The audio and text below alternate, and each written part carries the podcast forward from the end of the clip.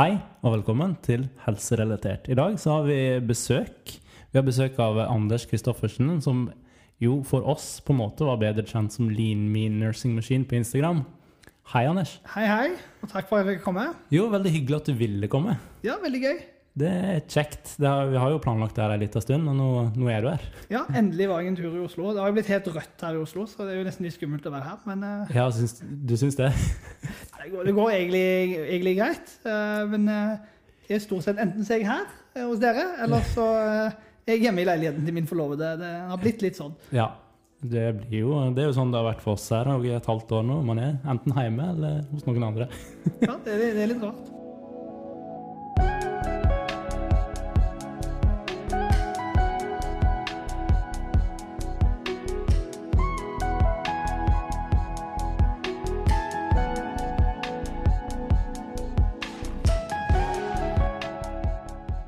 Vi tenkte vi kunne starte rett og slett med litt sånn skjedd siden sist. Aktuelt. Hva er du aktuell med akkurat nå? Ja, det har skjedd litt siden sist. Eh, jeg har nettopp eh, blitt sånn, hva skal man kalle det, universitetsforeleser. Ja. Begynt å forelese på, på paramedisin i, på Universitetet i Stavanger. Så det syns jeg var litt stas. Mm. Det var veldig gøy. Så det ble en del søvnløse netter før første forelesning. Men så klarte jeg å karre meg ut dit. og og jeg tror de var veldig fornøyd, da. Ja, det er bra. Så gøy. Og ja, ellers så har jeg eh, løpt litt løp. Det syns jeg jo var gøy. Eh, det var tungt, vått og ja, tungt. Tungt, ja. Eh, hva type, jeg, hva type løp var det? Det var noe som heter syvminuttsløpet. veldig viktig å presisere at det var syvminuttsløpet, ikke turen. Okay. For løpet er jo mye hardere. Ja.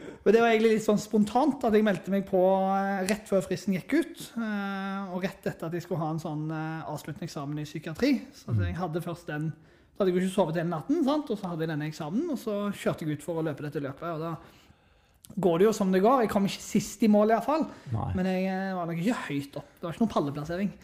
Men det var motiverende da, du fikk, eh, fikk, løpt? Ja da, det var veldig gøy. Mye gjørme og mye motbakke, men eh, da føler man seg litt sånn tøff da. Liksom, ja. Så det var gøy. Ja, men det er bra. Ja, og nå er du i Oslo på eh, podkastturné, eller? Ja, altså det, ja, turné og turné. Det er da iallfall på denne podkasten her. Og det er, det er, jeg veldig glad for. Ja. Og så får jeg besøkt min, min bedre halvdel og, ja. og katten. Så det er jo ja, katten også, ja. Du òg er en katteperson? Ja, veldig, vi... veldig katteperson. Har en uh, perser som heter Tibia. Ja. Så uh, er veldig fornøyd med det. da. Alle, alle, dyr i familien må ha sånne anatomiske eller medisinske navn. da. Ja, min heter dessverre bare Kim Jong-Pus. Ja, Det var jo litt kreativt, det også. da. Ja, Jeg skulle gått for noe anatomi. Ja. Men ja. jeg tenkte, for du har jo en litt unik vei mot der du er nå, da.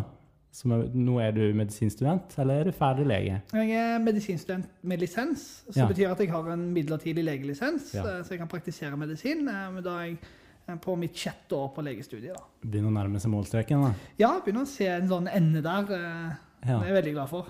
Ja. Jeg tenkte om du har lyst til å fortelle litt om hva For du begynte som helsearbeider? Nei, hjelpepleier? Ja, korrekt. Ja. Jeg gikk først hjelpepleien.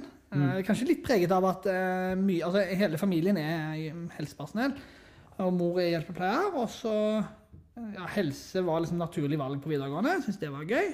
Så gikk jeg hjelpepleien. og så jobbet jeg vel et par år som hjelpepleier. og synes egentlig det trivdes egentlig helt supert med det. Syns det var egentlig et helt kongeyrke. Jobbet på sykehjem. og så fant vel ut at jeg hadde lyst til å begynne å studere, og da gikk jeg sykepleien. og Syntes egentlig det var helt konge. Jeg eh, trivdes egentlig fryktelig godt eh, både på studiet, veldig heldig med veilederne mine, og praksis, mm. veldig fine praksisperioder. altså.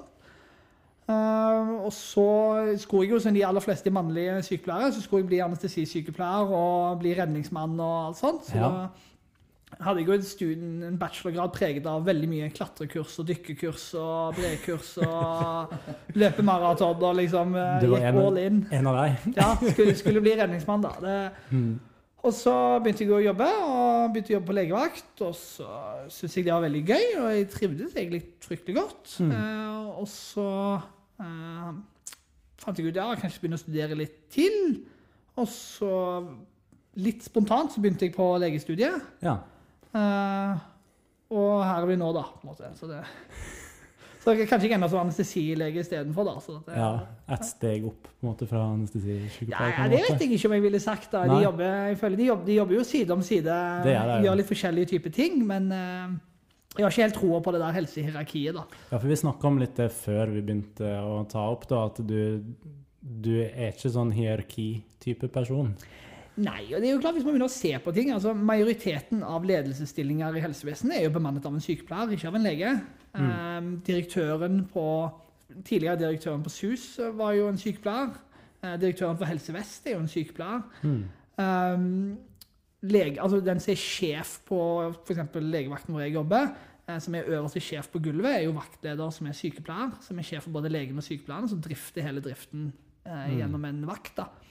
Um, sånn at det helsehierarkiet er jo veldig sånn, det er litt sånn falskt. Man kan selvfølgelig si at eh, ja, legen har på en måte det medisinske ansvaret for pasienten og, og på en måte skal lede den medisinske behandlingen. Eh, men, men eh, sykepleieren jobber aldri for legen. hvis du egentlig begynner å tenke på det. Sykepleieren er ansatt av en sykepleier, har en avdelingssykepleier som sin nærmeste sjef. Mm.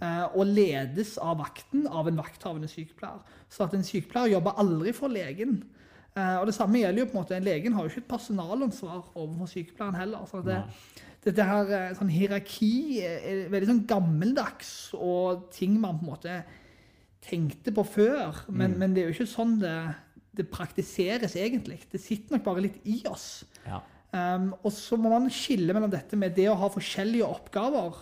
betyr jo ikke at den ene oppgaven er viktigere enn den andre, eller at den ene, fordi han har ansvaret for å sette en diagnose, automatisk er sjef for alt det andre. Um, sånn at um, det å ha forskjellige ansvarsområder er, er ikke liksom, et hierarki, men jeg tror den, den, sitter nok litt i oss fra gammelt av, og gamle holdninger og, ja. og sånt. da. Kanskje det kommer litt fra amerikanske TV-serier òg? Der er det jo litt mer sånn Ser man det ja, hierarkiet? Sant? Det, det framstilles jo veldig rart i amerikanske ja. TV-serier, f.eks. Det er et godt poeng. Og det er jo litt sånn Altså, Kirurgen kan ikke operere uten, uh, uten operasjonssykepleieren. Nei. At, de står jo og venter på operasjonssykepleieren, mm. uh, men de kan strengt tatt operere uten kirurg 2. Mm. Da, men da, Veldig mange ville jo trengt at hierarkiet var kirurg 1, kirurg 2 operasjonssykepleier. Mm. Men, men, fra kirurg 1 sin side så ville det jo egentlig vært at eh, han hadde jo ventet på operasjonssykepleieren. Ja. Men han kunne startet uten operasjon, eller kirurg 2 f.eks. Ja, sant. Tror du den her eh, hierarkitankegangen som jo finnes litt i befolkningen jeg, Når jeg snakker med kamerater sånn, som f.eks. jobber med IT eller jobber med helt andre ting, så er det tydelig at de liksom tenker sånn Hvorfor ble ikke du lege? Mm. Eller så, du kan få det spørsmålet sånn. da. Tror du det her hierarkitankegangen vil forsvinne? For du er jo på en måte innen flere leirer på en gang. Ja, jeg tror nok kanskje det flates litt ut. og klart, Jeg har jo jobbet veldig mange steder hvor det er veldig flat struktur. Ja. At det, Akuttmedisinen er jo veldig preget av en flat struktur. Sant? For at man jobber så side ved side. Det er jo litt sånn som um, Legevakten jeg jobber, har jo en legevaktsbil med blålys, hvor lege og sykepleier rykker ut sammen, og sykepleieren har blålyslappen og alt det der. De jobber jo sammen hele vakten. Sant? Så de har jo åtte timer sammen side ved side.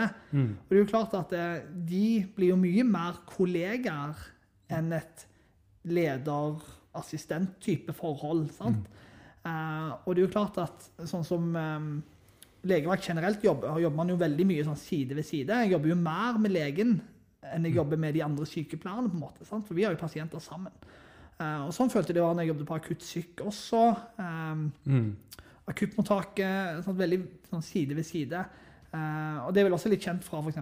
operasjonsavdelingen. at man også jobber jo side ved side. Ja. Og, og, da forsvinner jo mye av det hierarkiet. sant? Det er jo det. Ja, sånn som på operasjonsstua så har man jo da har man jo liksom sånn fast operasjonsteam, da. Ikke sant? Og da, da, er man jo, som du sier, man er jo helt avhengig av, av uh, at alle er der. Sånn som veldig sjeldent at Eller jeg har aldri opplevd at en operatør begynner uten operasjonssykepleier. Eller anestesisykepleier.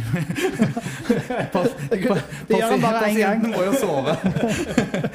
Men det er veldig ofte man har starta uten kirurg nummer to, da. Mm. Fordi da ja, han kan komme etterpå, f.eks. Eh, så det er veldig morsomt det du sier. Og det er morsomt det som du sier, eh, Thomas, da, med at kamerater spør deg eh, hvorfor ble du ikke lege, f.eks. Det var jo det første min morfar sa når jeg sa jeg sa jeg begynte på sykepleierstudiet, men hvorfor velger du ikke lege eller medisin? Du er jo, du er jo smart, oppegående fyr.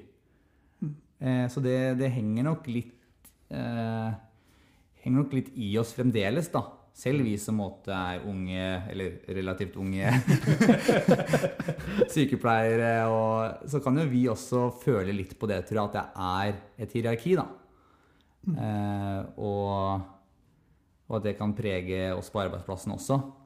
Og så tenker man alltid at gresset er grønnere på andre siden. Altså, nå har jeg vært veldig mye, Dette året her er mye i praksis.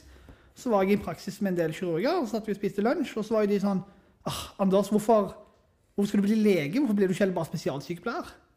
Mm. Og så jeg sa at ja, hva ville dere heller vært da? Nei, de ville mye heller vært spesialsykepleier enn å vært lege.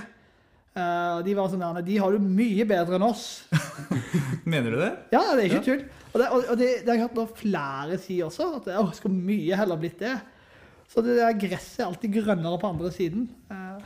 Men er det fordi at spesialsykepleiere, eller sykepleiere generelt, er jo mer eh, beskytta av arbeidsmiljøloven og ja, de, de har det jo en måte enklere sånn sett. da. De har liksom 35,5 timers uker, da kontra kanskje 60 timers uker som noen leger har? Ja, Det er nok noe der, men også er det nok eh, litt sånn hvordan det er bygd opp, og litt den muligheten til å switche jobb. da. Altså, ta f.eks. deg, da, som da er operasjonssykepleier. Hvis du på en måte går drittlei av å jobbe som det, så vil du likevel kunne få en kul jobb. For eksempel, søke jobb på legevakt. Vi har flere operasjonssykepleiere hos oss.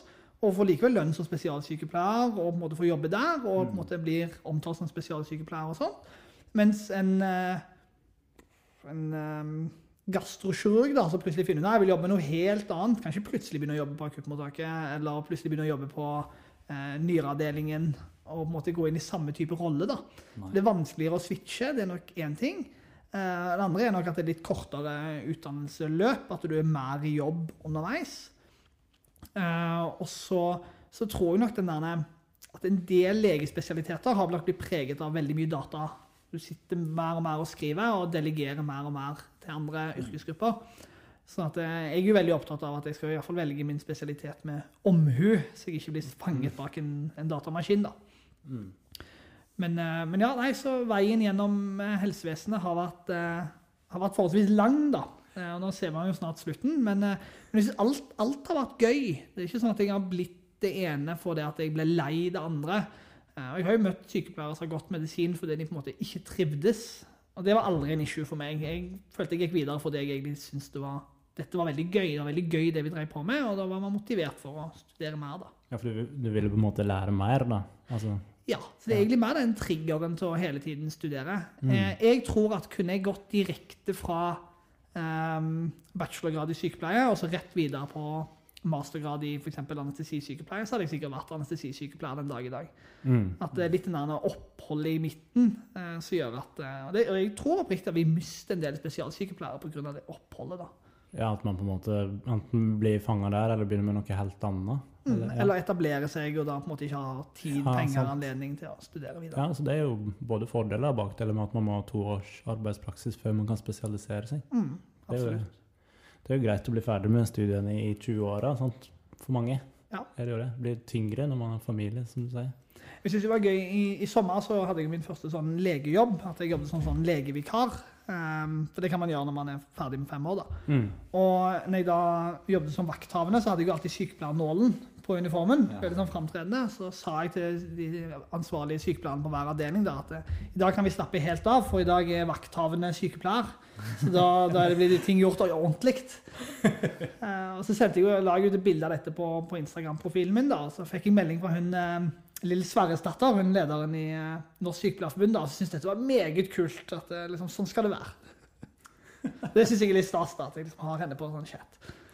Det forstår jeg veldig godt. Ja, men jeg tror at når du har vært sykepleier, da, eller du er jo sykepleier, så er jo det veldig fin erfaring å ha. Og du har på en måte, du har sett å si, alle sidene. Du har liksom begynt som helsefagarbeider, blitt sykepleier, og nå er du medisinstudent. Og du har lisens som lege. Eh, og det du sa da, med det med spesialsykepleier, det tror jeg er veldig sant. Sånn som Jeg også syns det var veldig tungt å skulle bli operasjonssykepleier når jeg da to år hadde hatt full inntekt og måtte hadde vent meg til arbeidslivet. da. Mm. Og så kan man plutselig begynne å studere igjen. Og da er det jo gjerne fulltid man begynner. Eh, og man er egentlig da avhengig av å få betalt da eh, spesialiseringa av sykehuset. da. Så da låser du deg også etterpå. Og det er for så vidt greit. Men f.eks. anestesisykepleier, da, der er det jo så veldig få stillinger ute, eh, sånn utdanningsstillinger, hvor du, hvor du får sponsa spesialiseringen. Eh, så der, er jo, der må du jo betale selv, og da må du jobbe ved siden av studiet i ganske stor grad. I hvert fall hvis du har fått deg familie og huslån og alt det der. Eh, så jeg tror man absolutt mister en del eh, anestesisykepleiere eller sykepleierspesialiseringer generelt pga. det.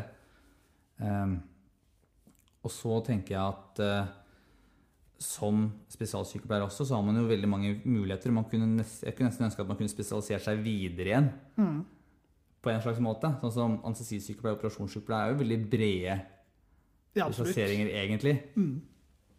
Og jeg tror det, I utlandet er jo det mer vanlig eh, at man f.eks. kan være anestesisykepleier, og så er du subspesialisert i barn, f.eks. Ja. Um, og jeg tror det er noen uh, sykehus som har sånne egne interne greier. Jeg lurer på om Stavanger at Der har jeg iallfall møtt noen anestesisykepleiere som er fordypet i, barneanestesi, da, f.eks. At mm. de får alle de operasjonene.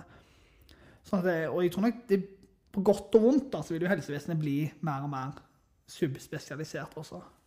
Ja. Ja, sånn, sånn, er det jo i hvert fall her i Oslo på Oslo universitetssykehus. at Jobber du på en måte på thoraxoperasjon, altså som jeg gjorde, så blir du på en måte subspesialisert på thorax. Så, så fort du kommer liksom eh, Det kommer en pasient da, som skal gjøre flere typer inngrep, plutselig skal man liksom under diafragma eller et eller annet annet skal skje, så er det sånn Hæ, hvordan gjør vi dette her? Er det laparoskopi? Hva er det, liksom? Og man blir helt, eh, man blir helt uh, satt ut, nesten. Ehm, så man blir veldig subspesialisert. Så det var litt derfor jeg egentlig bytta til Aleris. For der har man jo på en måte alle spesialiseringene jeg ikke har vært mm. eller ikke har sett før. da.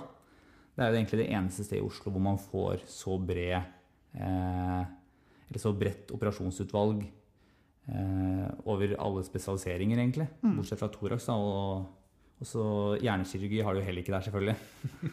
Ennå. Ennå. Snart, snart på Aleris. ja. det har vært litt, eh, det har vært litt spesielt hvis thoraxkirurgi hadde vært privat, på en måte. Det har jo vært det. Har det vært det? Ja, på feiring, vet du. Ja, jo, ja, det hadde jo vært. Men jeg tenker sånne som meg, da, med medfødt feil, om du kunne liksom valgt alt fra Dr. Drop-In til uh, ja. Jeg er glad for at det er på Riksen. ja. Det er kanskje, kanskje litt greit, ja. ja fordi, fordi, det skal jo sies at når de opererte uh, på feiring, så var det jo ikke sånne som deg, vet du, Thomas. Nei, det var ikke sånne spesialpasienter.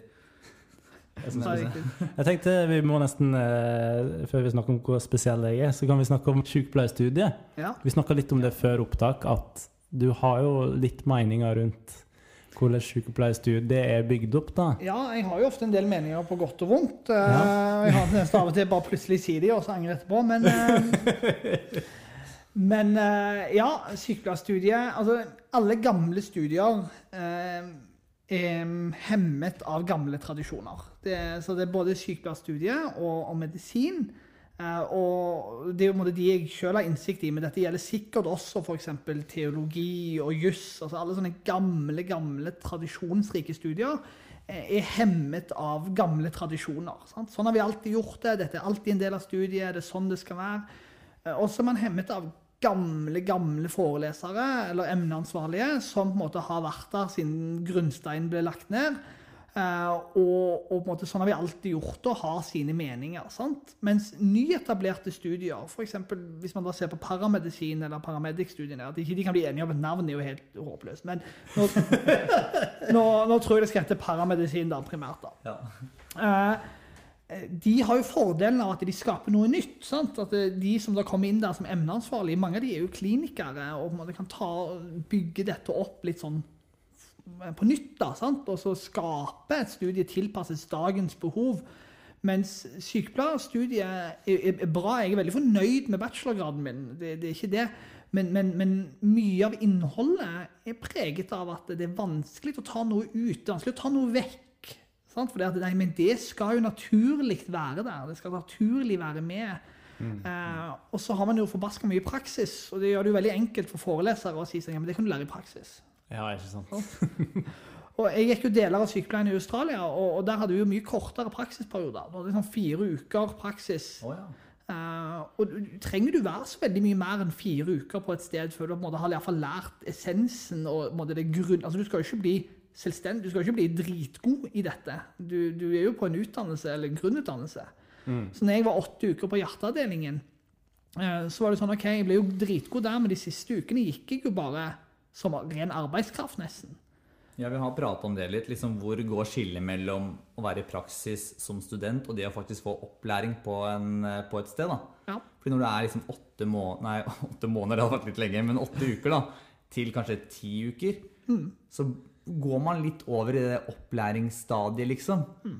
Man begynner å lære seg alle sånne, sånne mm, helt sånne lokale rutiner. da. Ja, definitivt. Som egentlig ikke har noe på studiet å gjøre. Mm. Jeg synes det, er, det er helt sånn hull i hodet. Jeg syns eh, vi burde vært fire til fem uker i hver praksisperiode, og så sett dobbelt så mange praksissituasjoner. Eh, ja. eh, og så burde vi begynt å tenke litt mer nytt. da, tenker jeg. Hvis man skal fokusere veldig mye på så mye praksis som vi har, så burde vi se flere ting. Vi burde ha på poliklinikker, eller vi burde hatt eh, fire-fem dager på ambulansen. eller altså, Man burde ha lagt inn ekstra nye ting, eller vært litt på legevakt. eller altså, Utnyttet nye arenaer for praksis også.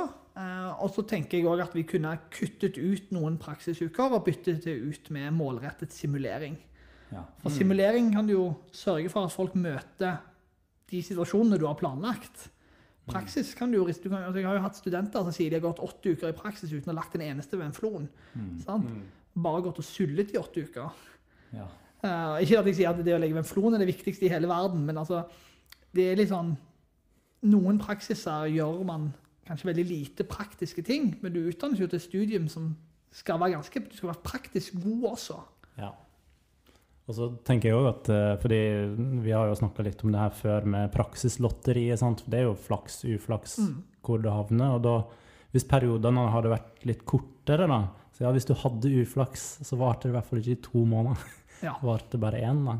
Så da sjansen kanskje for at man hadde flere gode praksisperioder enn dårlige. Det øker jo på en måte hvis du har flere. da. Ja. Og så mener jeg jo at du, vi, La oss si vi hadde tatt vekk to uker praksis fra hver periode og så guffet det opp med naturvitenskap. Så hadde vi jo klart å gi folk den, den økningen i timeantall de ønsker i naturvitenskap, uten at jeg tror de hadde blitt så mye dårligere eh, av å miste to uker i hver praksisperiode, f.eks. Um, ehm, så jeg er jo litt den der um, altså På medisin nå så har jo vi praksis Når jeg hadde kirurgisk praksis, så hadde jeg én uke karatorax, én uke gastro, to uker ortopedisk eh, og én uke urologisk. Eh, og det er jo klart at Da er jeg jo ny på disse avdelingene hele tiden. Men det går jo for så vidt greit. Det eneste er at du må lande på beina hver dag ja. og være ny og være veldig frampå fra første time og hive deg med på ting. Mm. Det, det, er ikke noe sånn gå og observere uh, hele tiden. Du må liksom bare hive deg ut i det med en gang. Mm.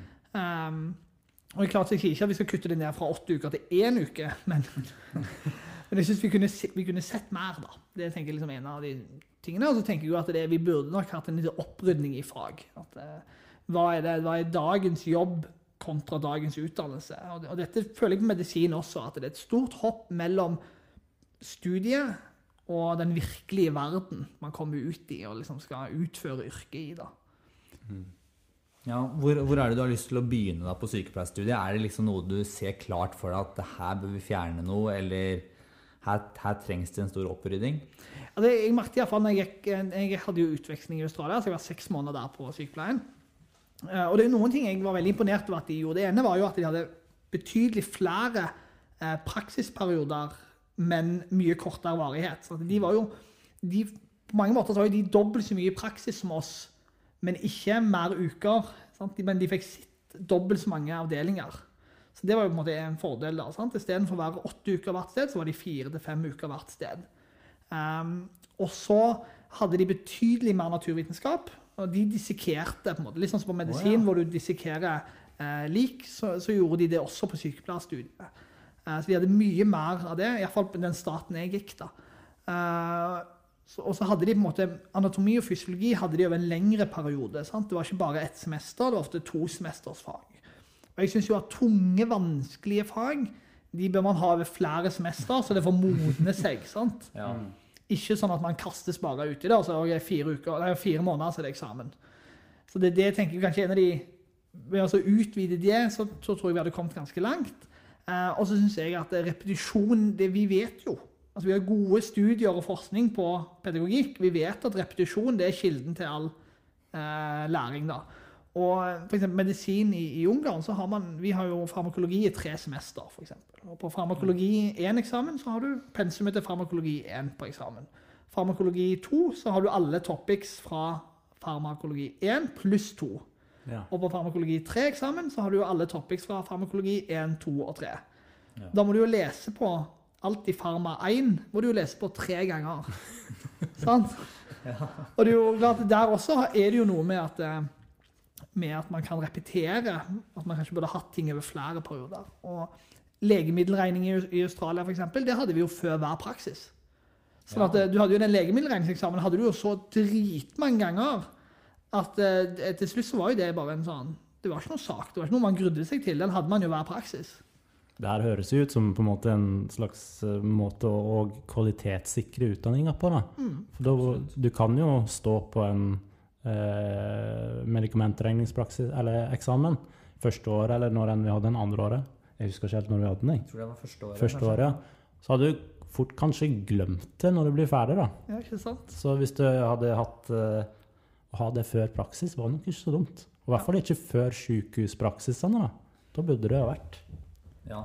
Eh, jeg syns det er litt morsomt at veldig mange stresser veldig før denne medikamentregningsprøven. da. Og bare sånn Å, jeg gleder meg til jeg blir ferdig med det. Ja. Det, er ikke, det, er ikke, det, er, det er ikke at man skal forstå medikamentregning. Og liksom, ok, nå, nå, har jeg skjønt det her, nå kan jeg for alltid liksom være trygg på min, mine utregninger. Sånn, jeg gleder meg til å bli ferdig med det her. Mm. Så jeg endelig kan gå videre i studiet. det er helt sprøtt. Og, sånn, er det med anatomi og fysiologi også. At man bare gleder seg til man blir ferdig med det. Gleder Man, og så skal man glede seg til man blir ferdig med sykdomslære.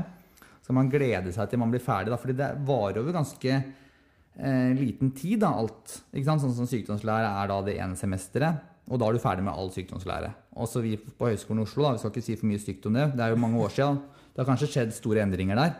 Men når vi gikk der, eh, så var det sånn at det var avkrysningsprøve i alt.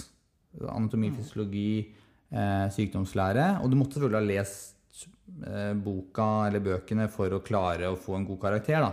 For det var ganske innvikla spørsmål, men det, var på en måte, det viste ikke noe forståelse. Det, kunne sitte litt, det var mer fokus på å huske, mm. men ikke å forstå. Mm. Eh, og det var veldig sånn at Når man da var ferdig med disse avkrysningsprøvene, så var man ferdig med sykdomslære. Man var ferdig med anatomifysiologi, og man var ferdig med, med farmakologi, da, f.eks. Mm. Så kunne man gå videre da til eh, oppgaveskriving, etikk, eh, samfunnsfag nærmest. ikke sant? og fokusere på det viktige. da, ikke sant? Eh, hvordan vi skulle alle bli sykepleierforskere. Det er bare for å sette litt på spissen. da. Det var ikke så ille, men jeg følte at de naturvitenskapelige fagene skulle bare bli pløyd unna. Og vi hørte også at de som kom etter oss, der hadde de fjerna f.eks. skjelettet. da. For det var så mange som svarte feil. Ja, da er jo løsningen å fjerne det. Ja, fordi det var jo litt vanskelig på en avkrysningsprøve når du skal slenge ut diverse liksom, knokler ikke sant? Mm. og få liksom riktig på det. Eh, så det, det, er, derfor skjedde det på spissen, men det var mange hull i ja. vår sykepleierutdanning. Og vi var på ingen måte forberedt eh, på å havne ute i arbeidslivet. I hvert fall følte ikke jeg det. Mm. Fordi de to siste årene var det ekstremt mye fokus på oppgaveskriving. Og jeg skrev ikke annet enn sykepleierrapporter på eh, når jeg begynte på, begynte på, på Ullevål, i hvert fall. Mm. Mm. Så det er absolutt enig i det du sier. Hvor man må repetere mer og ikke se seg liksom ferdig med faget men heller liksom repetere det hvert semester. Ja, for det er liksom, hvis du, hvis, du, ikke klarer å utføre legemiddelregning når du sitter stille og rolig og har ikke jeg, ti regneoppgaver på en, to timer, eller vet ikke hvor lang tid man får nå, jeg. Uh, da klarer du, ja, skal, skal liksom man da håndtere dette helt fint med pasienten som har pågående hjerteinfarkt, eller uh, Sant? Hvis du jobber på nyfødt intensiv, da, du, der, jo, der, skal du regne så vanvittig på grammet. Sant? Med nesten fram en grafisk kalkulator. altså skal du liksom... Sprøytepumper og Når du liksom da er dritstresset, ja, da regner du riktig. Altså, ja. Så hvis du måtte ikke holde dette ved like og bruke det aktivt, så det, er jo ikke sånn at det blir jo ikke noe lettere i en klinisk setting. Nei. Da har du jo litt høy puls og kanskje litt stresset og, i tillegg. eller eller du er eneste sykepleier på jobb og skal gi medisiner til vet ikke jeg, 40 pasienter på en sengepost. altså. Ja, men det er, det er jo helt forferdelig. Mm. Det er jo 40 regneoppgaver, det, da. Så det ja. ikke 10. ja, men jeg har jo vært med på det at jeg liksom har Jeg selv har blitt uh, stressa fordi ok, nå må jeg gi medisiner til så og så mange. Jeg er alene på nattevakt, kanskje, mm. med en annen sykepleier på naboavdelinga. Så da må jeg bare gjøre alt ferdig fort, og så kan jeg få signaturer, og så kan jeg begynne medisinrunden min da, ikke sant. Mm. Jeg har også jobba med små barn, og da var det jo alt skulle jo liksom fortynnes, og inn i sprøytepumper, og visse hastigheter. Og jeg følte meg ganske Jeg hadde god forståelse av det, i hvert fall. Mm. Så jeg har jo hatt kollegaer som har stått og bare grått på medisinrommet. ikke sant? Bare hvordan skal jeg få ut medisinene? Ja. Og, og, legene kommer ikke å gjøre det der. Nei, nei, det skal jeg love deg. Eh, vi, altså, vi, vi, har jo ikke legemiddelregning på legestudiet. Nei, så du, du kan ikke ringe vakthavende liksom bare 'Hei, du, jeg trenger hjelp til å fortynne'. De hadde jo klart det, men uh, ja. Nei, og, og jeg tror mange ikke helt skjønner at uh, det er jo disse grunnleggende, basale fagene og ferdighetene, det, det, det har vanvittig mye å si for pasienten. Sant? Det har en reell konsekvens. Da. Og da syns jeg det er rart at vi, vi, ikke guffer opp fokuset på fag vi på en måte vet betyr noe. Eh, vi snakket jo litt om det i stad, at for når vi får nyutdanna sykepleiere på legevakt, f.eks., så, så tas jo eh, ca. 50% av alle legevakthenvendelser håndteres jo av en sykepleier, på i fall den statistikken fra den legevakten jeg hører til. Uh, og det er jo naturvitenskapelige avgjørelser. Sant? Er denne personen syk? Er han ikke syk? Sant? Kan han vente? Skal han til fastlege? Skal han ha ambulanse? Skal han ha hjemmebesøk av lege? Må han komme nå? Kan han komme i kveld? Kan han gå til fastlegen på mandag? Um, blir dette verre? Dårligere? Og dette skal du kanskje gjøre over telefonen. Altså det er vanskelig nok å være god kliniker med pasienten foran deg. Mm. Men du skal være god kliniker over telefonen. Og dette gjelder jo det samme om du også jobber på 113 f.eks. Skal du også gjøre det, sant? men kanskje under enda mer tidspress. Sånn at, eh, og det, Da er det jo på en måte de naturvitenskapelige fagene man støtter seg på. Ikke sykepleierhistorien, f.eks. Eller eh, vi hadde, vi hadde, pedagogikk også på den jeg gikk oh. sykepleien. Sant? Nå er jeg glad i pedagogikk, men, men eh, jeg vil heller kaste ut det og hatt litt mer farma, f.eks. Det er jo sjelden man får behov for å på en måte sitere Florence Nightingale når man jobber på legevakten og har en sjuk pasient i andre enden. da. Ja, ikke sant. Og Florence Nightingale hadde jo, hadde jo vært helt harnisk. at Hun hadde jo drept i om vi hadde lært noe om henne. sant? Ja. Hun hadde kastet lampen etter oss for lenge siden. ja, hun hadde det. Så det, og det, det som jeg syns er litt sånn synd med det her eh, at sånn som vi husker fra der vi hadde som medstudenter, var at mange av dem kom ut av studiet og følte seg veldig utrygge. Og det er jo det siste du vil at en ny nyutdannet sykepleier skal føle seg. da. Så den her, eh, Å på en måte kunne ha sånn repetisjonseksamen, da, det høres veldig lurt ut. Ja. Det høres ut som Australia er smartere her, altså. Ja, de er ganske gode på sykepleierutdannelsen sin. Eh, det er iallfall inntrykk jeg får med, både fra der jeg sjøl var, og fra eh, de som har gått hele graden i Australia, er jo veldig, ofte veldig fornøyd. Um, skal jo sies da at jeg, er fornøyd med bachelorgraden min, altså, men jeg var nok også veldig heldig med, med, med praksisperiodene. Um, jeg følte med disse sykepleierstudentene på Instagram hadde jo en del sånn at folk sendte inn erfaringer av praksis. og Det er jo tydelig, og det hadde jo han der helsebrorsan også. men hun hadde jo veldig inntrykk av veldig mange er jo veldig misfornøyd. sant? Og ja. mm. Syns det har vært veldig dårlige erfaringer fra praksis. Jeg hadde bare gode erfaringer fra praksis, sant? Men, men jeg hadde jo veldig gode veiledere. Og så tror jeg nok det er litt hvordan du er sjøl. Hvor frampå er du? Sant? For jeg gikk kanskje, jeg var på en veldig stor sengepost som var delt i mange grupper. Så jeg gikk kanskje en runde da på morgenen og snakket med alle gruppene. Og så sa jeg sånn Hei, hei, er det er bare meg og en til student her i dag. Men kan dere ringe meg hvis det er noen prosedyrer? Hvis det liksom er venfloner eller katrisering eller henger opp væske eller Kan dere ringe meg, så kan jeg komme og gjøre det. For jeg har lyst til å liksom øve på det denne uken her, for eksempel, da. Da gjorde de jo det, sant? men da fikk jo jeg kanskje lagt 10-15 mefloner på en vakt. sant? For Hvis det er en sengepost med 45 pasienter sant? Ja. Um, så man kan jo være litt frampå også. sant? Uh, og det føler jo kanskje at noen sykepleierstudenter er ikke så flinke til å sjøl finne, um, finne muligheter. Jeg ringte jo også ned til patologisk, f.eks. Kan jeg komme ned og være med på noen obduksjoner uh, de og de dagene?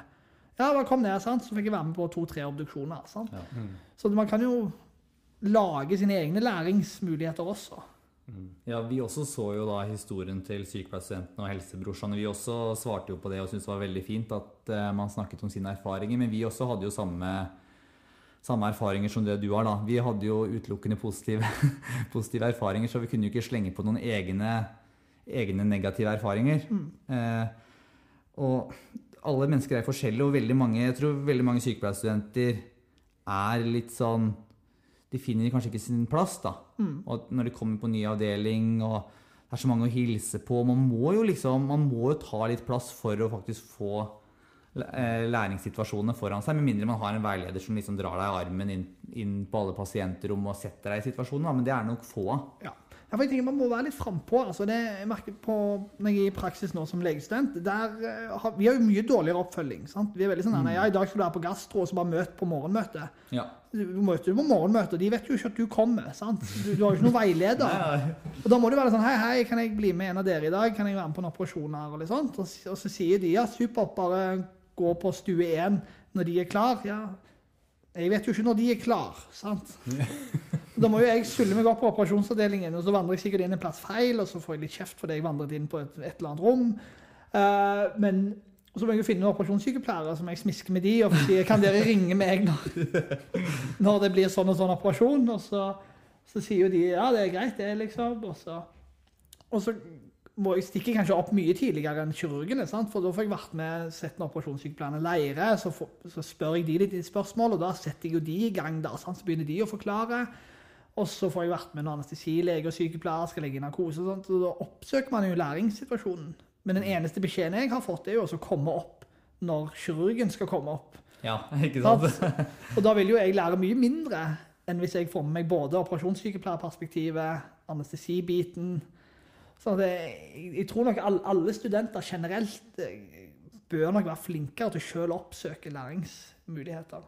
Og så jeg sier til mye sykepleierstudenter, det er sånn du kan jo spørre eh, om kan jeg være med legen en dag. Kan jeg være med vakthavende mm. en vakt? Kan jeg være med bioingeniøren en dag? Sant? Kan jeg være med fysioterapeuten en dag? Så vil du jo få en mer spennende Og på åtte uker praksis så har du jo fin mulighet til å ha et par dager med andre yrkesgrupper og, og plukke opp ganske mye eh, gøy, da. Og, det, og jeg tror ingen Det er jo ingen som sier nei.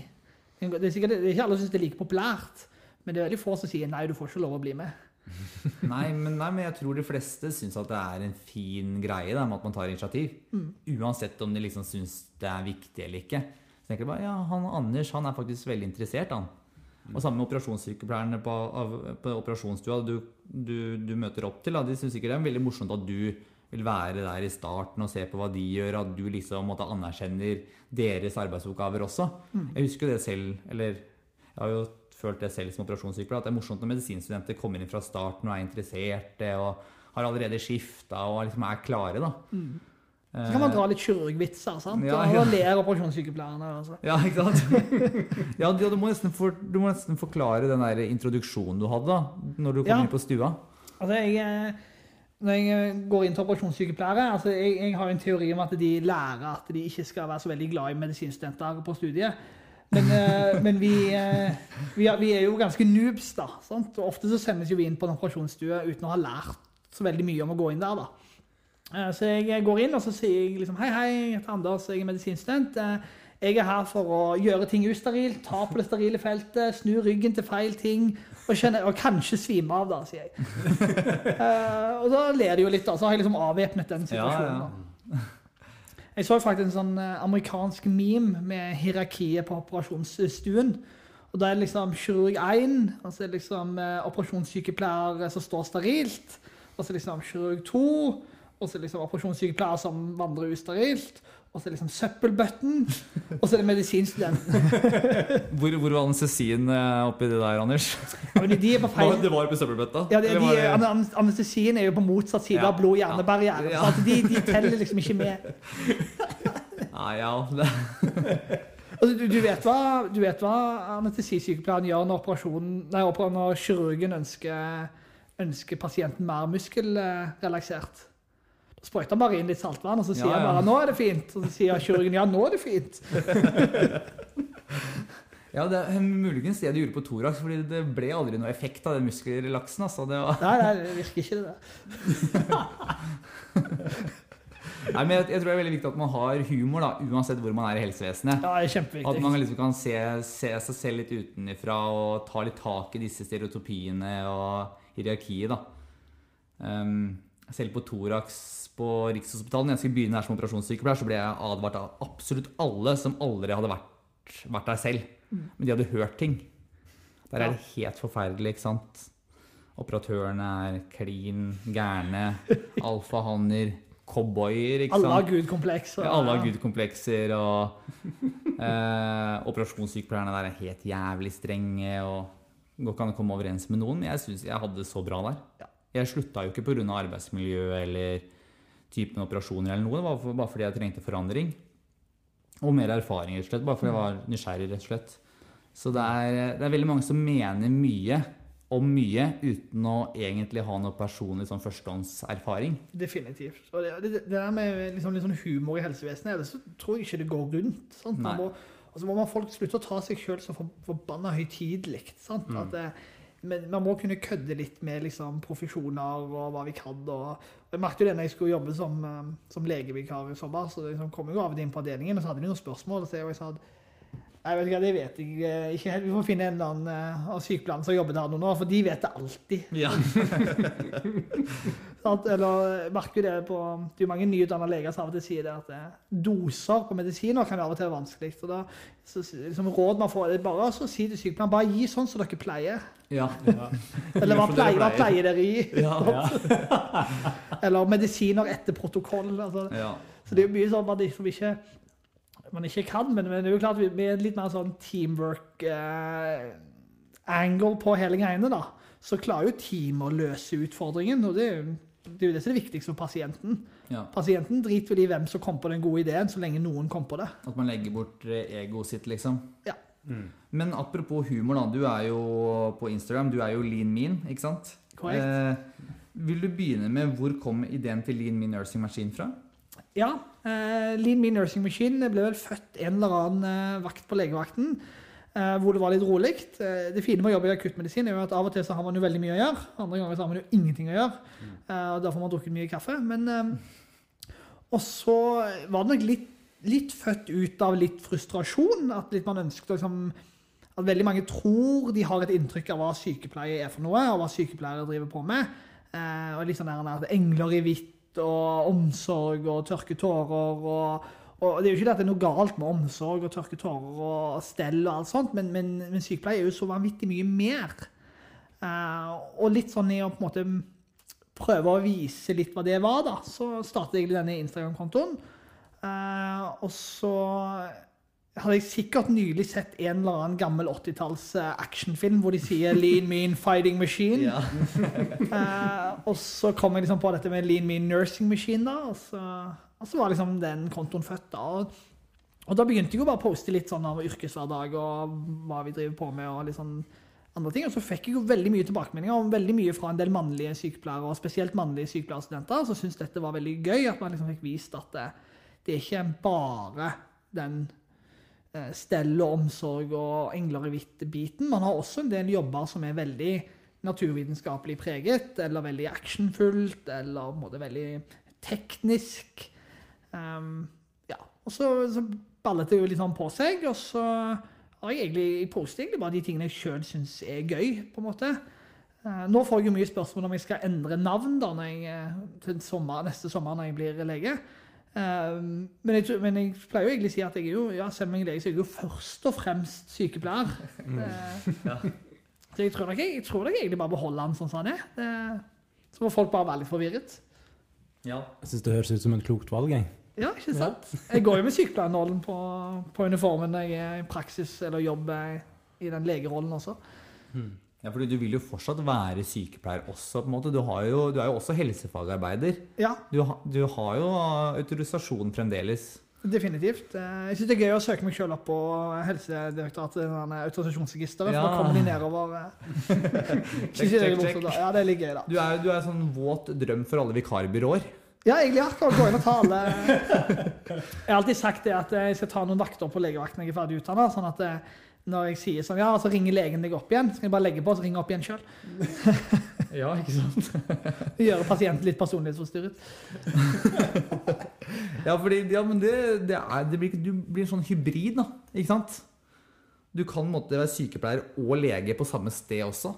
Ja, jeg tenker det, og det er jo masse nyttig fra sykepleierstudiet og praksisen som man kan ta med seg som lege. Og, og, det gjør jo at du på en måte ikke kommer inn der helt nyutdannet og har ti tommeltotter. på en måte, sant? Altså Du kan fikse og gjøre litt ting sjøl også. Mm. Um, og det, det altså Sykepleiere er jo de som drifter helsevesenet. Sant? hvis man begynner å tenke på det. Sant? Legene går liksom fra avdeling til avdeling, og, og, det fungerer jo kun fordi at sykepleierne drifter avdelingen. Mm. Så det er klart Med sykepleierperspektivet så vet du jo også litt hvordan ting fungerer, hvordan ting driftes, hvordan pasientflyten fungerer.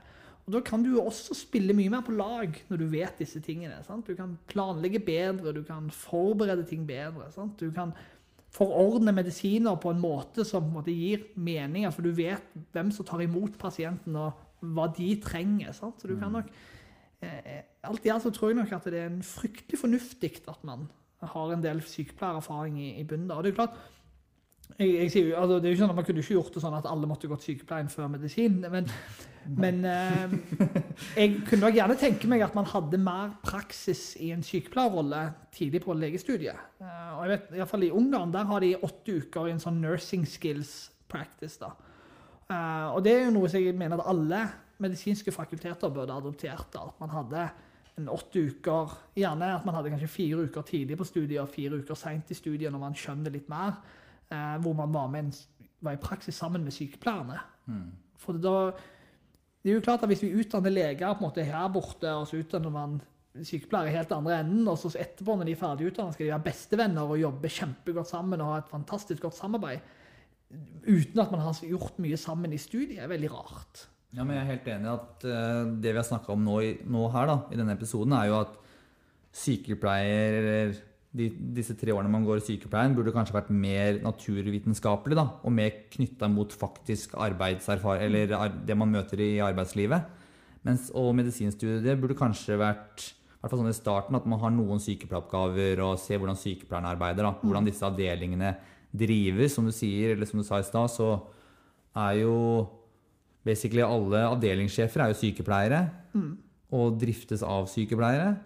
Så at man liksom får merga det litt sammen, da.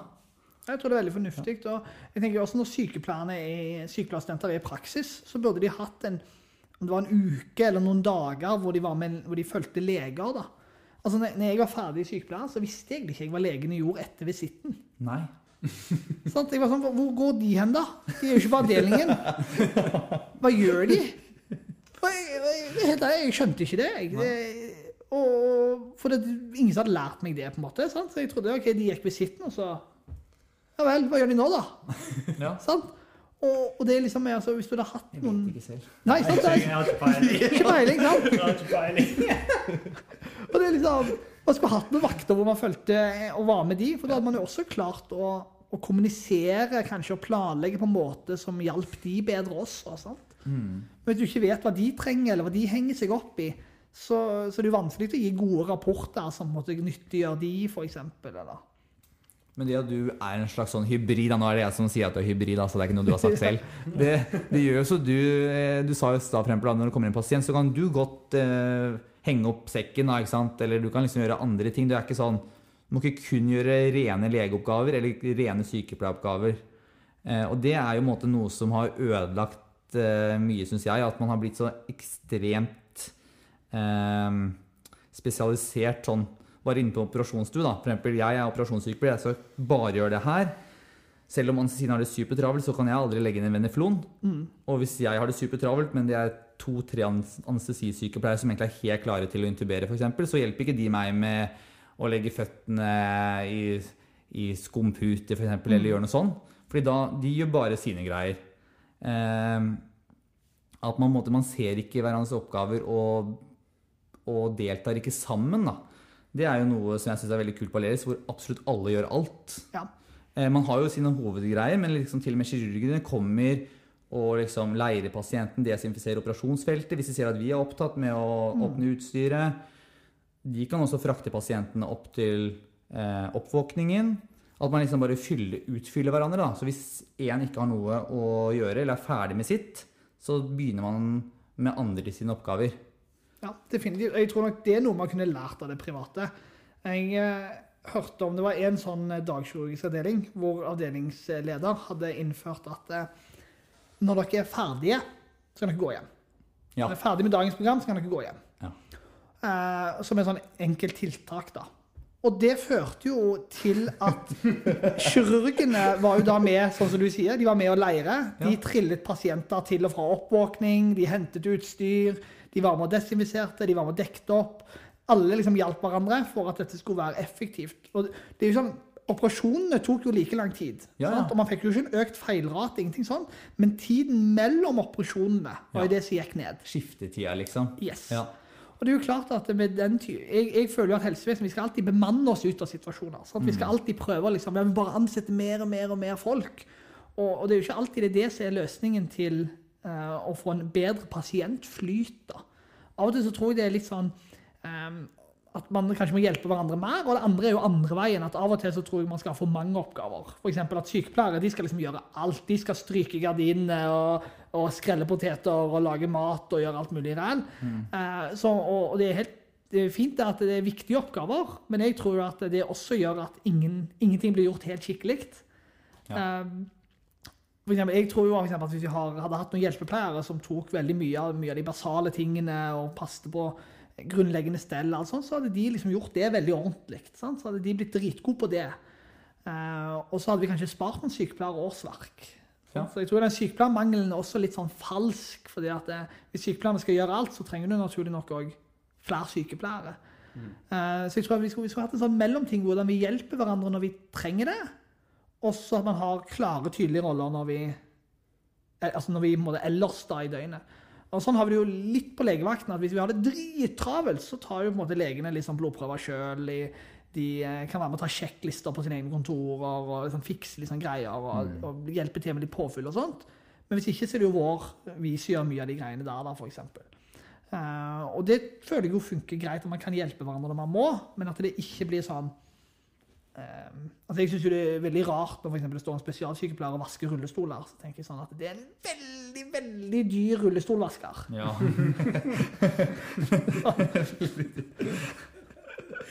ja, men det er, det er, faktisk veldig sant. Og det var jo noe av det herligste med å bli operasjonssykepleier for min del. Da. At man fikk jo mindre av disse oppgavene som, ja, som tok mye tid. Mm. Sånn som det å liksom slippe å servere mat til pasienter, det, det, var, det var noe av det ja, det var noe av det fineste med å bli operasjonssykepleier. For jeg glemte alltid matbestillingene til pasientene. Jeg jobba jo med små barn og foreldre av dem, så når de liksom, mor og far bestilte noe, ungen bestilte noe, og så skulle kanskje storebror ha noe, kom jeg alltid med feil pålegg. ikke sant? Og jeg hadde jo ofte ikke tid til å drive og hente mat heller. Og det var jo, Jeg jobba på infeksjonspost, jeg måtte jo inn gjennom sluser, og det var jo bare det styret. Så det å slippe det, liksom, det, det, var, det var veldig bra. Det var det fine med å jobbe litt på nyfødt intensiv. Ja. Alle spiser det samme. Ja. Trenger ikke huske noen, jeg. Veldig, ja. Og så er det ingen tunge løft. Nei. Nei, ikke sant. Så nyfødt intensiv anbefales? Nyfødt intensiv er bra hvis man skal jobbe med barn. Ja. ja. Barneinfeksjon, der var jo de fleste rundt to måneder. Altså, så det var mye morsmelkerstatning, og det var amming og ja. ja. Men, eh, men, foreldrene måtte ha mat, da, dessverre. Ja, for det, det, er litt massete. Ja, spesielt da, ikke sant? På, jeg tror på barnemedisinsk så kunne de gå ut og inn av rommene selv, men på barneinfeksjon så måtte de liksom være inne på pasientrommene. Ja. Så de, de, kunne ikke gå og forsyne seg selv. Jeg kler gult så dårlig, jeg, så jeg prøver liksom å unngå ja. infeksjon. For meg så ble jo da å gå fra infeksjon til operasjon Eh, mye bedre fargemessig for min del også. Eh, men eh, det å slippe men, eller med det å ha på seg munnbind og frakk, det var liksom, det var ikke noen stor forskjell der. Nei. Men man slapp den eh, fargen, da. Det er alltid litt sånn cocky, de der grønnkledde, da. Det, ja, ja. Blir, ja, det er liksom de kuleste på sykehuset. ja, det, det, blir vel litt sånn liksom at man må, man må liksom skifte klær når man går inn på grønn sone, og det er liksom Ja, litt sånn spesielt. Nå fikk jeg en sånn fin sånn operasjonssykepleier-nøkkelring eh, av deg her. Ja. Så jeg må jo begynne å bruke, bruke den litt aktivt. da. Vise, vise at jeg er litt spesiell. Ja, det er viktig, det. Viktig, det. Ja. Synlighet er viktig. Naboen min her har jo bare sykepleiernøkkelringen. Ja, det er triste greier. Altså. Men, ja, det uh, men, det får gå. Det går bra, det. Vi kan jo eh, pensle oss litt inn på det, da. For du har jo videreført den her Lean Mean Nursing Machine videre mot litt gründervirksomhet, hvis man kan kalle det det? Ja, det, det ble plutselig sånn. Eh, det er jo ofte sånn at mange kule ting i livet det er man ikke forberedt på. Det er vel sånn med det ene og det andre. Mm. Men, eh, men, ja, nei, jeg eh, Det er snart et år siden, egentlig. Det er snart bursdag for firmaet. Men i oktober i fjor, eller det begynte jo tusle med disse tingene i september, så begynte jeg liksom også liksom, tenke Det fins mye sånne amerikanske referansekort og sånt, så jeg syns det er litt sånn halvveis. Og ting som jeg ikke nødvendigvis syns er tilpasset norsk helsevesen. Så tenkte jeg ja, ja, jeg kan jo måtte lage mitt eget. Og hadde egentlig primært tenkt å lage det til eget bruk.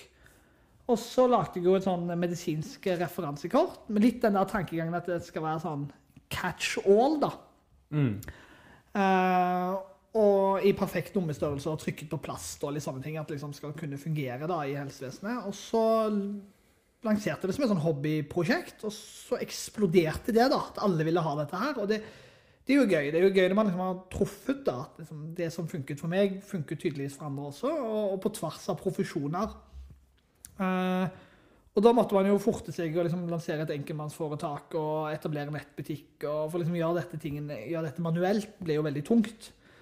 Eh, men så rullet jo ballen, og, nå, nå, har det blitt et veldig populært referanseverktøy. Og det, er en del tjenester som har tatt det inn. At uh, hele ambulanseseksjoner har tatt det inn til hele seksjonen. Uh, hele akuttmottaket og legevakt har tatt det inn til alle ansatte. Både på lege- og sykepleiersiden. Og det syns jeg er gøy. At det er et referanseverktøy som på en måte brukes av, av flere profesjoner. Sant? Lege, sykepleier, ambulansepersonell og spesialsykepleiere og sånn. Uh, man får jo litt angst. Det blir jo litt søvnløse netter også når ting går bra. Ja. Uh, det, det, kjenner ikke vi til, men Nei. Ligger du ikke og dveler på om helserelaterte det, har, det, har, det har, liksom ikke, har, liksom ikke, vært så bra for oss, nei da. nei, men det er jo altså, altså det, Spesielt dette med når du gjør noe medisinsk da, og skriftlig, så kommer jo angsten at Gud tenker jeg har gjort noe feil. Eller skrevet ja. noe feil. sånn. Det står jo medisindoseringer på kortet, f.eks. Så blir han litt sånn Å, gud. Um, men jeg har jo måte kvalitetssikret det på en måte selv, men så har jeg jo brukt et vidt spektrum av leger og et vidt spektrum av spesialsykepleiere til å liksom kvalitetssjekke det. Altså det, det, har vært mange runder. da. Nå er det jo på tredje opplaget på det, det, vanlige blå medisinske referansekortet. Og, um, så det er gøy. Det har blitt veldig godt tatt imot. da, så så vi, vi rebranda jo nå i, i, vår eh, og på en måte lanserte det som Singulum da, for å differensiere bedriften fra, fra meg som person. Og, det, det, når vi gikk over fra et enkeltmannsforetak til et, til et, AS, så var jo det en passende tid å gjøre det på. da. Mm. Så da, da rebranda vi til Singulum AS, og liksom singulum.no, nettsiden, ble lansert da. da. Mm. Og da er spørsmålet vet dere hva Singulum eh, er for noe? Det er noe med hodet, noe med hjernen. Ja, det er noe med hjernen. ja, jeg, jeg, har sett logoen. ja, veldig bra. veldig bra. Ja, altså, Siglum er jo en sånn uh, samling med nervebunter. Da. Det er en tract i hjernen. da, så det med å flytte informasjon, så Det var liksom tanken. da. Ja. Det var bra valg av navn, altså. Ja, jeg skal faktisk, det må jeg faktisk gi æren til min uh, forlovede, som uh, begynte egentlig bare å bla litt i sånn anatomisk atlas. Og sånn, ja, det var jo kort og enkelt å si og litt ja, ja. kult. Det tar vi. Men eh, ja, er, er, hun involvert i AS, eller? Ja da. Ja.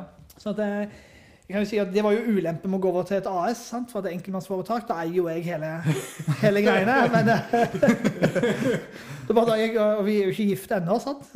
men når vi da gikk over til et AS, så var det jo naturlig at hun som også legger ned veldig mye arbeid i firmaet, Eh, da også fikk 50 eh, av firmaet. da. Oh, ja. mm. Så, da, så nå, nå, må vi gifte oss, da, har jeg pleier å si. Ja, ja. Da, da, er jeg, da, er jeg, låst. Eh.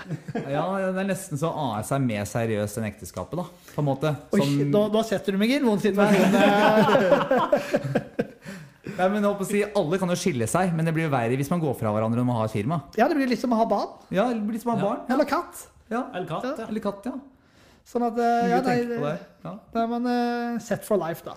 Set for life, rett og slett. Ja, nei, så det, det, er jo disse, det er jo kortene vi, vi, eh, vi, er mest stolte av, da.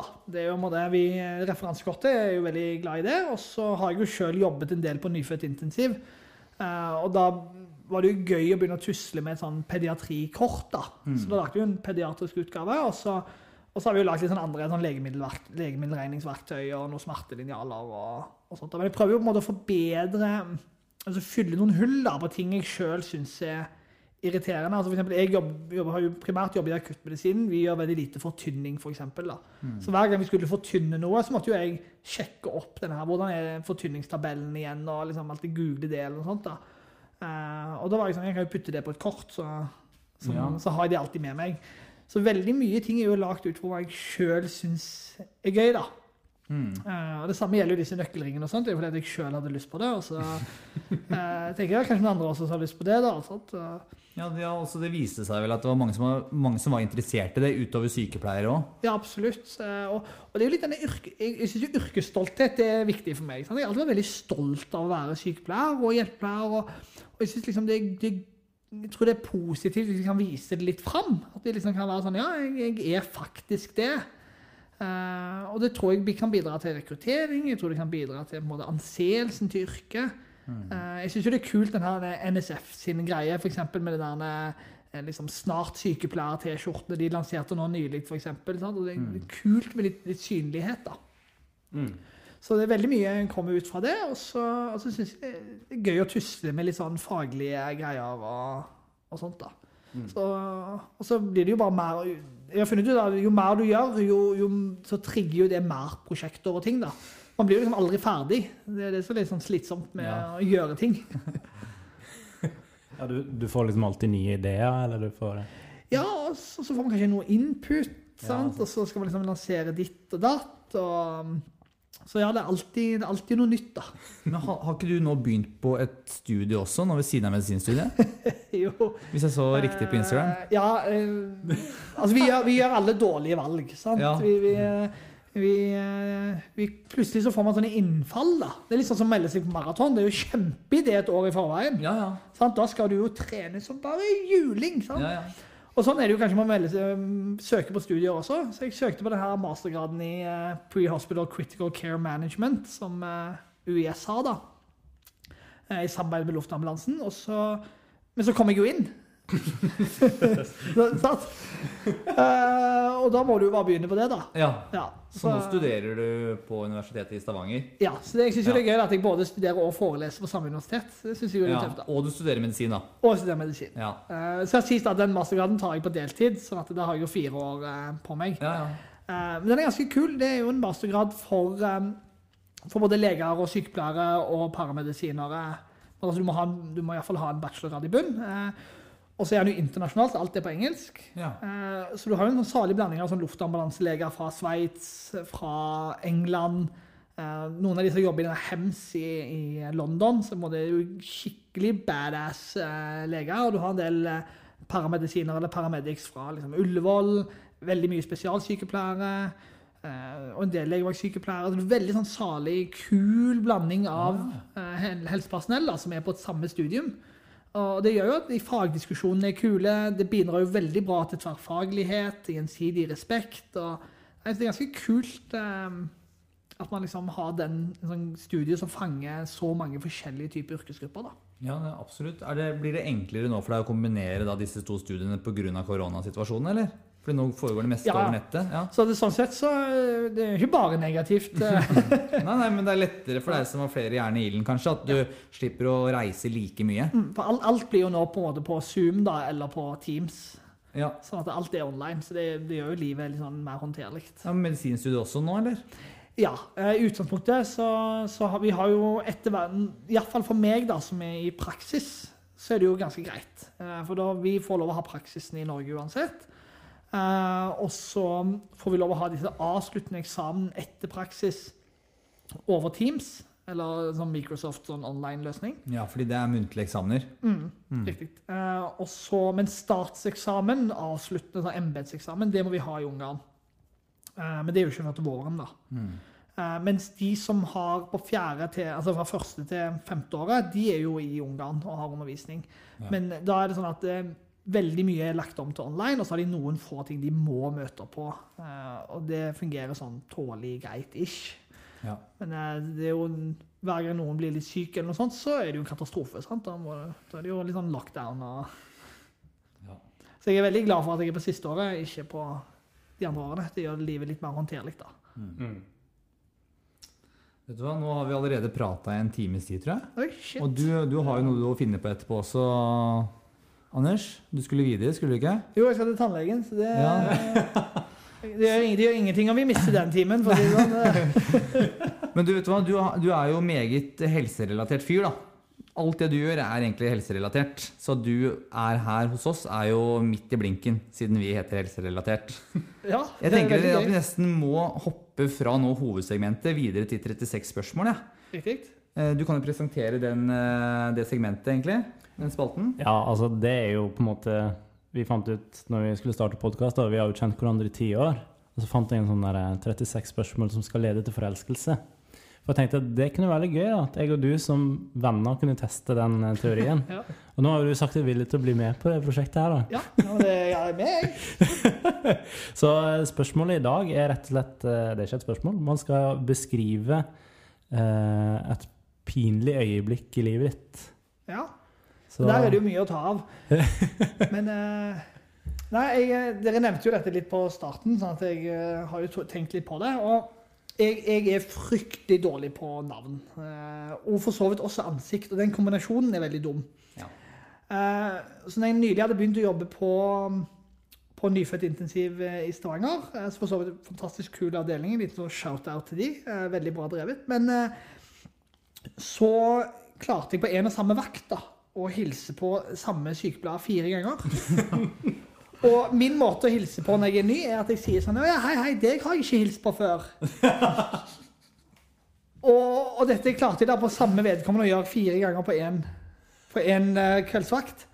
Og det var veldig mange på jobb, da. Det er en stor avdeling. Men, men eh, det, ble jo frykt, det var jo pinlig andre gangen. Ja. mm, Og tredje Ja, og tredje. Og når det er fjerde, så, så, så må jo hun, hun må jo tro at det er noe galt med meg. Ja, det, det, det, Mannssjåvinist. Alle damer ser like ut. ja, ja. det- Og så jeg har hatt eh, Den episoden jeg har hatt. Og så eh, litt lignende episode var Jeg satt i Norsk medisinstudentforening-styret, og så hadde vi hatt en sånn en hel helg sammen, da. Og vi, vi er jo ikke så mange. vi er jo var en sånn åtte-ti stykk da. sant? Sittet sammen hele helgen. Så jeg sittet ved siden av en sånn dame da, hele helgen. Og nå sitter vi i et styre sammen. Og har jo sittet med henne og snakket med henne. Vi har vært ute og spist, vi har jo spist lunsj sammen, vi spiste middag på lørdagskvelden. sant? Og liksom alt, Vi var jo sammen hele gjengen. Så går det tre helger, og så er vi på en sånn konferansegreie med Legeforeningen. Og så kommer hun gående inn, og så går hun bort til den gjengen vi sitter der med styret. Og så er hun sånn hei, hei, hei. Og så reiser jeg meg opp og sier å ja, hei, deg har jeg ikke hilst på før. Livsfarlig. Ja. Sånn at, eh, og hun syns jo også at jeg, var, jeg må være helt komplett idiot. Sant? Hun trodde jo at jeg tøyste. Sant? Så når jeg da står og venter på at hun skal hilse tilbake igjen, så, så går det jo opp for henne at jeg tuller jo ikke. Ja, ja. Og når er det du skjønner det? Ja, så skjønner jeg litt når hun liksom ser litt sånn teit med det. Og så får hun sånn, Noen damer har sånn evne til å liksom drepe deg med blikket. sånn at Hvis jeg får den, da, så, så skjønner jeg ok, nå har jeg jo tydeligvis gjort noe dumt. da. Så da, det, ja, jeg har hatt det, der leder meg alltid inn i litt sånn pinlige situasjoner. da, Min manglende evne til å huske navn og ansikt. eh. Ja, det er spesielt det med ansikter som er vanskelig å huske. Ja, og så Jeg vet ikke, altså bare jeg er så raua på det. Eh, Det er litt, det er litt sånn pinlig. Eh, Så jeg blir jo litt sånn som han der legen sier sånn Han der med hoftebruddet, vet dere. Han der hoftebruddet Ja, ja. på seng 1. Hoftebruddet på seng 1. Ja, sånn som vi har lært vi ikke skal gjøre si på sykepleien. Han med fontan her på helserelatert.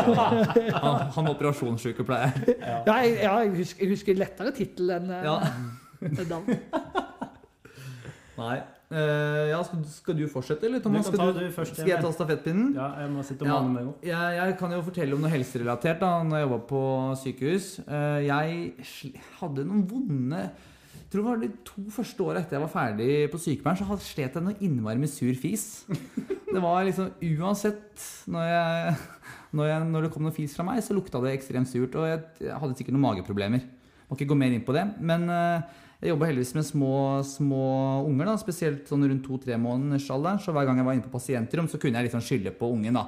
Det var ikke sjelden at foreldre liksom løfta opp barnet og lukta på bleia, liksom. Bare hva er det som skjer her? Eh, eh, men én spesiell liksom, flau hendelse var en gang jeg sto på medisinrommet. Det var liksom, Jeg tror det var kveldsvakt. Jeg var alene, eller jeg var på vakt sammen med to, to andre sykepleiere og et par barnepleiere. Og så var ekstremt dårlig i magen akkurat den vakta. da, Mer enn vanlig, liksom. Og det, det er sånn lite medisinrom som er liksom mellom to korridorer. Så det er liksom en inngangsdør fra hver side. Og jeg sto der, og det var så mye luft som kom ut av meg, og det bare lukta helt ekstremt dårlig. Eh, og så hørte jeg at noen begynte å liksom skrive inn koden sin for å komme inn på medisinrommet. Så tenkte jeg at nå må jeg bare forlate medisinrommet med medisinen. Så jeg klarte liksom å ta medisinene i hånda mi og begynte liksom å åpne eh, utgangsdøra da, til den andre enden av korridoren. Eller andre korridoren da, fra hun andre som kom inn på medisinrommet. Men så, men så glemte jeg å trykke på den der åpneren. Så jeg sto bare og rev i håndtaket mens hun kom inn. Og når hun da i tillegg lukta lukta, så skjønte hun hvorfor jeg prøvde febrilsk å komme meg ut av medisinrommet. Liksom, og, jeg, og, jeg, kjente jo henne veldig bra. Vi hadde jobba sammen et års tid. Så det var liksom litt sånn ekstra pinlig, da. Eh, så sur fis eh, gjorde så jeg kom i litt sånn dårlige situasjoner, eller pinlige situasjoner de to første åra jeg var sykepleier. altså. Men så plutselig bedret det seg. Tror du det har med at du liksom har holdt inne hele sykepleierstudiet, så endelig kom du ut når du liksom var ferdig utdannet? jeg, jeg, tror jeg var litt ekstra stressa de to første åra uten å egentlig vite. Jeg følte meg liksom følte meg flink og jeg, jeg, hadde egentlig veldig gode erfaringer, men jeg var nok litt stressa de to første åra. Jeg var nok det. Ja. Men det går bra nå. så tenker så Operasjonssykepleier så funker jo ikke dette. Du kan ja, ikke bare slippe utstyret og si nå, nå, må jeg gå ut litt'. Nei, nei så, det, så, det, var faktisk Det er litt pinlig å innrømme. Det fortsetter å bli pinlig her. Men eh, når jeg skulle søke operasjonssykepleier, så husker jeg liksom det var en kamerat eller så var det kona hennes som sa bare 'Går det der bra?' For da må du være på samme rom vet du, hele tida. men, eh, men det, ble, det, ble, bedre før studiestart, faktisk. Så jeg har aldri hatt problemer med det på operasjonsstua. Ja, nei, Det skal vi vel alle være glad for? Det skal vi alle være glad for. Fordi hvis man står der skulder til skulder åtte timer, så hvis én har mageproblemer, så kommer man ikke unna det. Nei, nei det... Men det er jo litt flere å skylde på, da. Det er litt flere å skylde på. Man kan jo alltid skylde på anestesin. Men uh, når man står sånn skulder til skulder, så er det veldig åpenbart. Ja. Og så blir man veldig fanga i den lukta også. Men laffventilasjonen drar det kanskje bort, da. Ja, kanskje det hjelper, ja. Eller sånn ortopediske operasjoner hvor du har sånn uh, ja. hette ned, på en måte. Ja. ja. ja. Nei, det er mange muligheter. Men jeg sliter som sagt ikke med det lenger. så det har ikke vært en problemstilling. Hvis jeg, hadde, hvis, ja, hvis jeg hadde slitt veldig med det, så kunne jeg kanskje som koordinerende stått like ved de luftuttaka. da. Ja, det bare, bare hengt der. Smart. Ja, ok, Thomas, da er det din tur, da. Da er det min tur. Min òg er til en viss grad eh, flatulensbasert. Bare hakk Ja, vi er, vi er i underbuksa. Ja. Eh, jeg hadde skulle på første date, en første date. Bruker ikke å bli så veldig nervøs i sånne settinger. Men den gangen her, var på T-baneturen på vei opp, da, så kjente jeg at fuck, nå er det noe med magen. sitter der i T-banevogna og sitter liksom kniper skikkelig i magen. Jeg håpet at jeg skulle gå over. Så ble det bare verre og verre. Jeg ble liksom likbleik, jeg ble liksom dårlig. Satt der og var sånn Å, jeg må skikkelig på do. Eh, og så fikk jeg heldigvis melding. Du, jeg rakk ikke den bussen jeg hadde tenkt. Jeg kommer et kvarter seinere. Og jeg bare var sånn Åh, yes! det var jo Guds gave til meg akkurat det. Og da gikk jeg rett og slett ut og så tenkte jeg, ja, nå begynner det å gå litt over. da, når jeg liksom røyste meg og skulle gå ut av T-banen. Og så begynte jeg å gå, det, var et lite stykke til der vi skulle møtes. da. Og da begynte jeg å gå, og så da ble det på en måte bare verre og verre etter man går eh, i bevegelse. da. Så da fant jeg ut det her må løses. Jeg kan ikke, For daten var at jeg skulle eh, gå ut i skogen et par timer. da. da er du fanget. Så det var ikke sånn at du liksom skulle på en restaurant der man kunne bare ta en kjapp tur på do og gjøre seg ferdig. Så det sprang jeg til skogs og måtte gjøre mitt eh, fornødne. Det var altså det verste. Og det er ikke så veldig lenge siden heller. og det er liksom nedverdigende. Ja for, det, ja, for det er litt sånn Hva skal du gjøre, på en måte? Nei, det, du, du, er litt screwed. Ja, det, du kan liksom ikke Altså, alternativet er verre. Ja. ja. Ja, og så er Det sånn der, det vil jo ha prega daten veldig hvis det gikk med mageknip. Og hvis det plutselig da gikk Ja. Måtte løpe i skogen da? Tror, altså, er det noen risiko for at hun hører på denne episoden nå og tenker sånn Shit, det var den daten der, ja? Eh, ja. ja. det er gøy. Det er gøy. Så, uh, er, det, er, det, noen du er sammen med nå? Jeg tror vi gir oss der.